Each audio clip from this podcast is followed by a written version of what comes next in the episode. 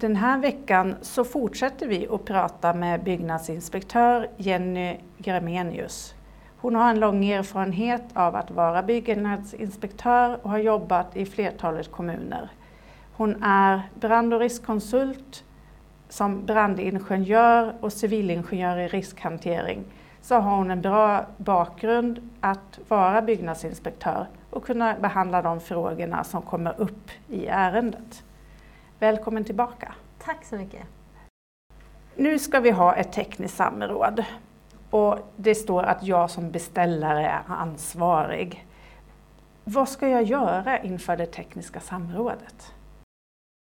På det tekniska samrådet så, så brukar vi gå igenom processen, vi brukar gå igenom de handlingar som ni förmodligen har begärt in inför det tekniska samrådet. Så här gäller ju att man tittar över sin lista och ser, har jag tagit fram alla handlingar? Har jag några funderingar på handlingarna? Behöver jag kontakta kanske inspektören innan det tekniska samrådet och fråga, jag förstår inte, den här, jag förstår inte just det här, exakt vad det är jag ska komplettera med. Man behöver ju också då prata ihop sig med om man har en kontrollansvarig, sina projektörer som ska ta fram handlingar och se till så att man får in alla handlingar i god tid till mötet. Ja, när jag jobbar som kontrollansvarig då försöker jag få beställaren att inte skicka in någonting till inspektören utan att jag som kontrollansvarig får samla ihop handlingarna och skicka in dem i samlad eh, paket till inspektören. För då har jag som kontrollansvarig då möjlighet att titta över ritningar och se att det är korrekta uppgifter som man skickar in. Och en av de handlingarna vi vill ha in är ju den här kontrollplanen och den ska man ju ha tagit fram då tillsammans med sin, sin kontrollansvarig som ska hjälpa en och då behöver man ju själv ha fått in alla handlingar först och tittat på dem och sett för det ska ju utgöra underlaget till min kontrollplan. Vi, vi, uppskattar när vi får in allting i en bibba och, och, alla handlingar finns. Det kan vara lite lättare för oss att planera vår tid inför samrådet då än när de kommer lite då och då eller om de kommer väldigt sent inför. Skickar man in handlingarna väldigt sent inför det tekniska samrådet och det är komplicerat, då kan det vara så att vi behöver boka en ny tid för ett nytt tekniskt samråd för att vi hinner inte kolla igenom och bedöma handlingarna på plats och det sen blir lite frågor som vi har så att vi måste ses igen. Så försök skicka in dem i god tid så hinner vi förbereda oss. Så det blir ett mycket bättre och mer effektivt möte och så kommer det gå mycket snabbare att få det där efterlängtade startbeskedet. Hur lång tid är i god tid?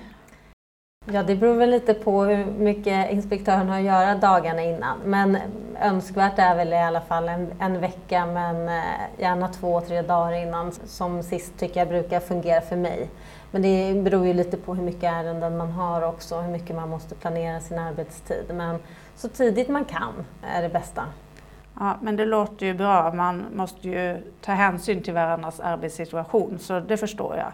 Jag försöker skicka in en vecka i förväg. Ibland blir det lite sent. Det var ju bra att veta för att det är ju bättre att skicka in i god tid och slippa ha två möten. För ett möte kan ju vara svårt att få till med flera stycken. Samordna sin kalender. Precis, eller om det är så att man har alla handlingar utom kanske en handling. Då kan man ju skicka in de handlingarna och säga att just den här handlingen får vi inte fram förrän dagen innan det tekniska samrådet. Då är det ofta så, ja, men då är det en handling man behöver titta på när man ses, men då har man ju hunnit förbereda och titta på de andra. Så, så, jag tycker så länge man hör av sig och har en bra dialog så brukar det mesta lösa sig. Det låter bra. Ska jag ta med mig någon till mötet med kommunen?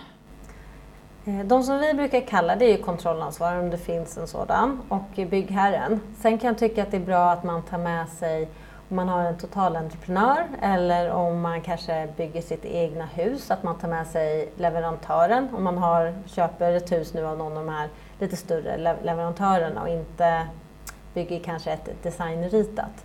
För de sitter ju oftast på lite mer specifik kompetens på det tekniska på huset. Och det är också bra att de har varit med för då vet alla vad som förväntas av de olika parterna. Tack så hemskt mycket Jenny för att du har medverkat i podcasten Fråga Byggkonsulten. Tack så mycket. Nästa vecka fortsätter min intervjuserie med Jenny Gramenius. Då har vi kommit fram till arbetsplatsbesöket.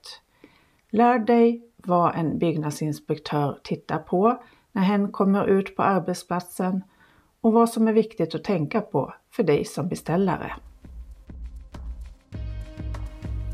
Tyckte du om det du har hört? Tryck tumme upp och skriv en kommentar. Och dela gärna till dina vänner så att fler får ta del av min kunskap. Om du vill ha svar på en fråga, stor som liten, så gå till frågabyggkonsulten.se. Du är aldrig ensam om att fundera på något. Vi hörs snart igen och mitt namn är Eva Karlsson.